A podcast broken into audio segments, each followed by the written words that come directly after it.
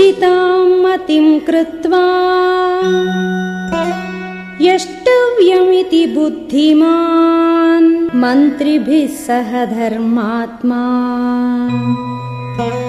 सर्वैरेव कृतात्मभिः